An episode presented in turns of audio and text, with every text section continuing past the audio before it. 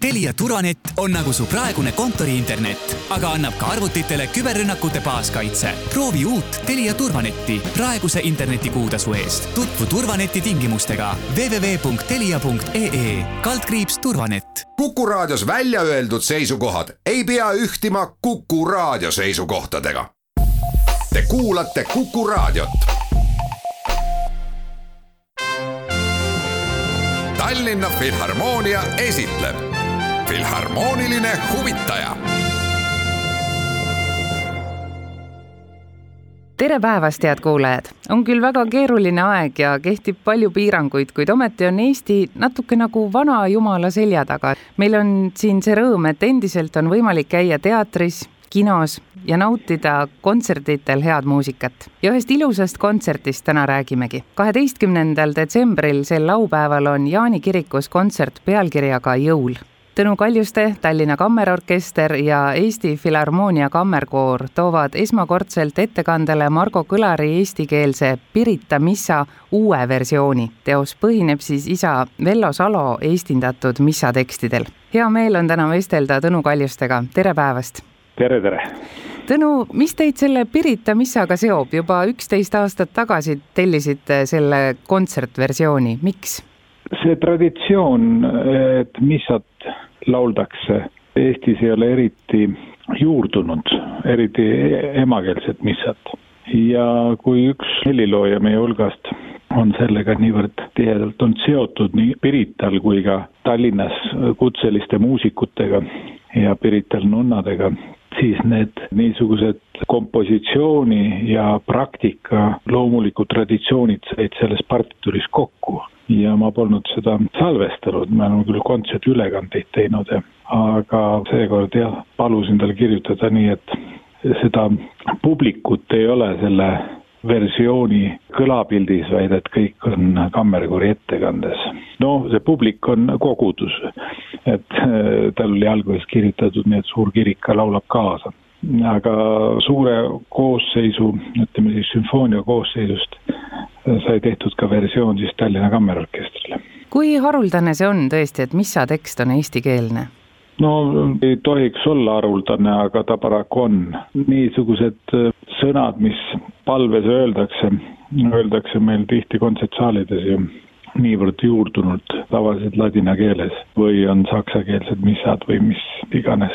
nii et ma arvan, et see traditsioon hakata emakeeles neid sõnu laulma on igati tänuväärt tegu Margo poolt.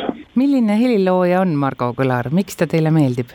tema on niisugune mees, kes on mitte ainult helilooja, vaid ka on dirigent, ta on Heina Vankri juht ja ta on teinud niisugust tänuväärset tööd ka dirigendina, nii et tema muusika sünnib ka selles mõttes alati praktikaga koostöös. tal vast on enamjaolt kõik seaded, mis ta on teinud, ta on teinud noh, praktilistel eesmärkidel juba varajases nooruses, kui ta tegi koore, siis püüdis oma loomingut sinna viia, nii et see on väga tihedalt kogu selle tema, tema iluideaalidega seotud ja tema niisugused head laadistused mulle väga meeldivad, eriti vaimulikust Eesti rahvalaulust, rahvakoraalidest. Mis erinevus on suhelda kõige vägevamaga läbi muusika või siis oma mõtetes? no läbi muusika on sellel alati võimu rohkem ja ta on tänu helilooja osadele võimalustele, mis sinu ees partituuris on, need on nagu raamid, millega sa seda teed, kui sa oled just selle partituuri võtnud ja tavaliselt dirigendid võtavad mingisugusel eluhetkel mingitel põhjustel selle või teise partituuri. osaliselt on see juhus, osaliselt on see inimeste enda niisugune, ma ütlen, dirigentide enda kus öelda, hingeline seisund või on praktilised põhjused, aga see plaat, mida me ka sellesama nime all nagu kontserdki jõul välja anname, see on nagu alglätetele tuginev. alglätet on jõululauludes, see on kõige lihtsamad seaded, mis jõululauludest on. Ja seda sellel põhjusel, et jõuluajal kuuleb mida aasta edasi, seda rohkem väga erinevaid seadeid ja need laulud on läinud niivõrd mänglevaks ja kuidas öelda, igaüks pritsib fantaasiat erinevatest harmooniatest kuni erinevate tempodeni välja. selle plaadi ja selle kontserdi kuulaja saab lihtsalt rahulikult kuulata neid jõululaule, nagu nad klassikaliselt on. ja ma arvan, et need sobivad hästi Margo Missaga kokku, sest äh, Margo on selle palveteksti eestikeelse kogu missa terviku ka väga alglätetele tihedalt lähedale toonud, ütleme, kui niisugune Gregoriuse koraali laadne eestikeelne laul saab kokku niisuguse jõululauluga, siis vast nad on head partnerid. Tõesti, siis esitamisele tulevad need kõige kallimad ja, ja kõige kõigemad jõululaulud, noh näiteks üks roosike on tõusnud, ma tulen taevast ülevalt, oh sa õnnistav, oh kuusepuu. kuidas teile tundub, kas neid uusi jõululaule, kas neid ei osata ikkagi kirjutada või neid kirjutatakse nii vähe või miks on nii, et ikka need vanad head on nüüd kõige paremad ja kallimad? no muusikal on niisugune fenomen, et muusika vajab teatud äratundmisrõõmu tihtipeale, no ütleme, suuremates traditsioonides.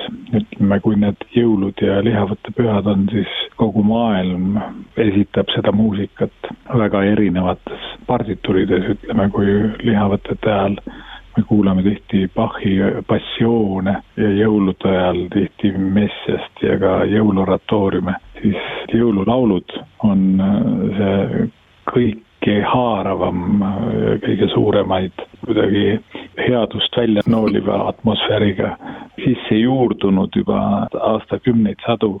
See oleneb, mis ringkonnas, mis riigis, mis kultuuris sa viibid, aga meile on nad ka juba sisse imbunud, nii et niisugusel rahulikul moel saab neid kuulata, jah nagu te mainisite sellest kavast, mis Jaani kirikus laupäeval ettekandele tuleb, valmis ka CD-plaat, mis salvestati Mustpeade majas ja kaasa teeb Kadri Toomaja orelil. kuidas te selle küsimuse Mustpeade majas lahendasite? Tallinna Filharmoonias on üks suurepärane orel, virtuaalorel ja selle Tallinna Filharmooniale kinkis Tallinna linn. nii et meil on äh, Tallinna Filharmoonial üks kontserdiseeria Oreli maagia oma paari kontserdiga jõudnud olla eelmisest hooajast. püüame nüüd ka seda siis kui kevad saabub, siis jätkata. nii et äh, see orel on suurepärase kõlaga. ta on ta, tehnika viimane sõna sellel orelil, saad ju panna nii barokk kui ka romantilisi oreleid üle maailma. nii et äh, see ei ole elektrooniline orel, see on imepill, mis on juba tänu oma niisugusele helipildi võimalustele, ütleme, kui meil tavalisel orelil on orelivilet, siis sellel orelil on mitmed kõlarid, aga need, need funktsioonid on samasugused nagu viledel. ainus asi on see, et me saame nendel viledel mängida nii prantsuse orelid kui saksa orelid, inglise orelid, parimaid orelid üle maailma. ja kui on hea akustika, siis ega hea kõrv isegi võib sassi ajada, nii et tegemist on nagu tõelise oreliga, nii et see on jah, üks suur-suur asi, et Tallinna Filharmoonias olemas on, aga sellel plaadil kõlab see jah, niisuguses ühes teoses romantilisena, teistes lauludes võib-olla kasutame barokkorelit laupäevasel kontserdil esinevad kaks Eesti parimat kollektiivi, võib öelda, Eesti Filharmoonia Kammerkoor ja Tallinna Kammerorkester ja mõlemad on teie loodud. kas võib öelda, et see on teie jaoks nagu unistuste kontsert, kus üles astuda?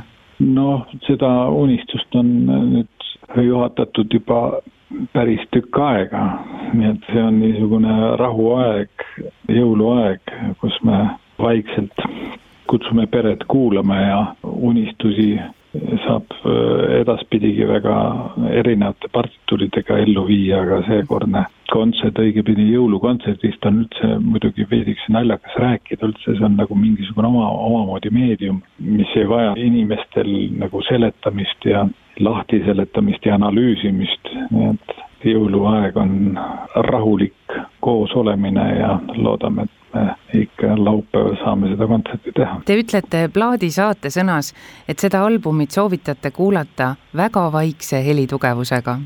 ma ei ole sellist soovitust sageli plaatidel kohanud, miks see seal on?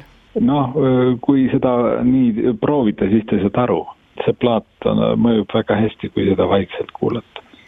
See ühtepidi on ju olemas inimestel erinevad harjumused kuulata.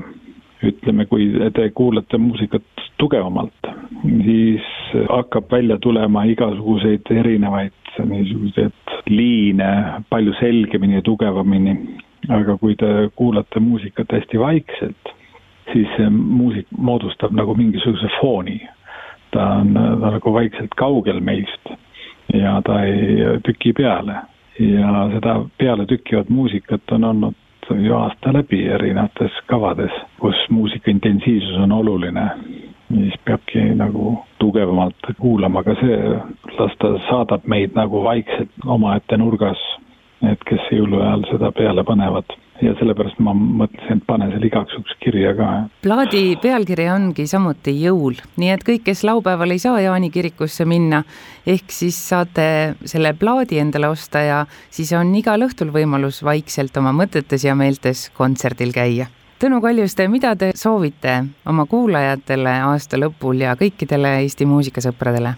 ikka nagu igal jõuluajal rahu ja olge oma inimestega koos ja kuulake head muusikat, sest äh, muusika parandab, leevendab, viib äh, isegi mõned halvad mõtted kaugele. me elame ju väga raskel ajal, kuigi me oleme üles keeratud väga raske haiguse pilve peal kogu aeg, et äh, ja kui iga hommik iga inimene loeb kui palju inimesi on haigestunud ja kui palju on surnud. et niisugune pikem periood nüüd õnneks vast hakkab hääbuma ja loodame, et see jõul aitab sellele kaasa. kindlasti, nii et sel laupäeval Jaani kirikus kell seitse on üks väga hea võimalus kõigest äh, sellest kurbusest ja kurvast korra eemale astuda ja kuulata väga head muusikat. Tõnu Kaljuste, Eesti Filharmoonia Kammerkoor ja Tallinna Kammerorkester ootavad teid suur-suur aitäh, Tõnu Kaljuste, ma soovin kõike head, ilusat jõuluaega ja tugevat tervist! Aitäh! Tallinna Filharmoonia esitleb Filharmooniline huvitaja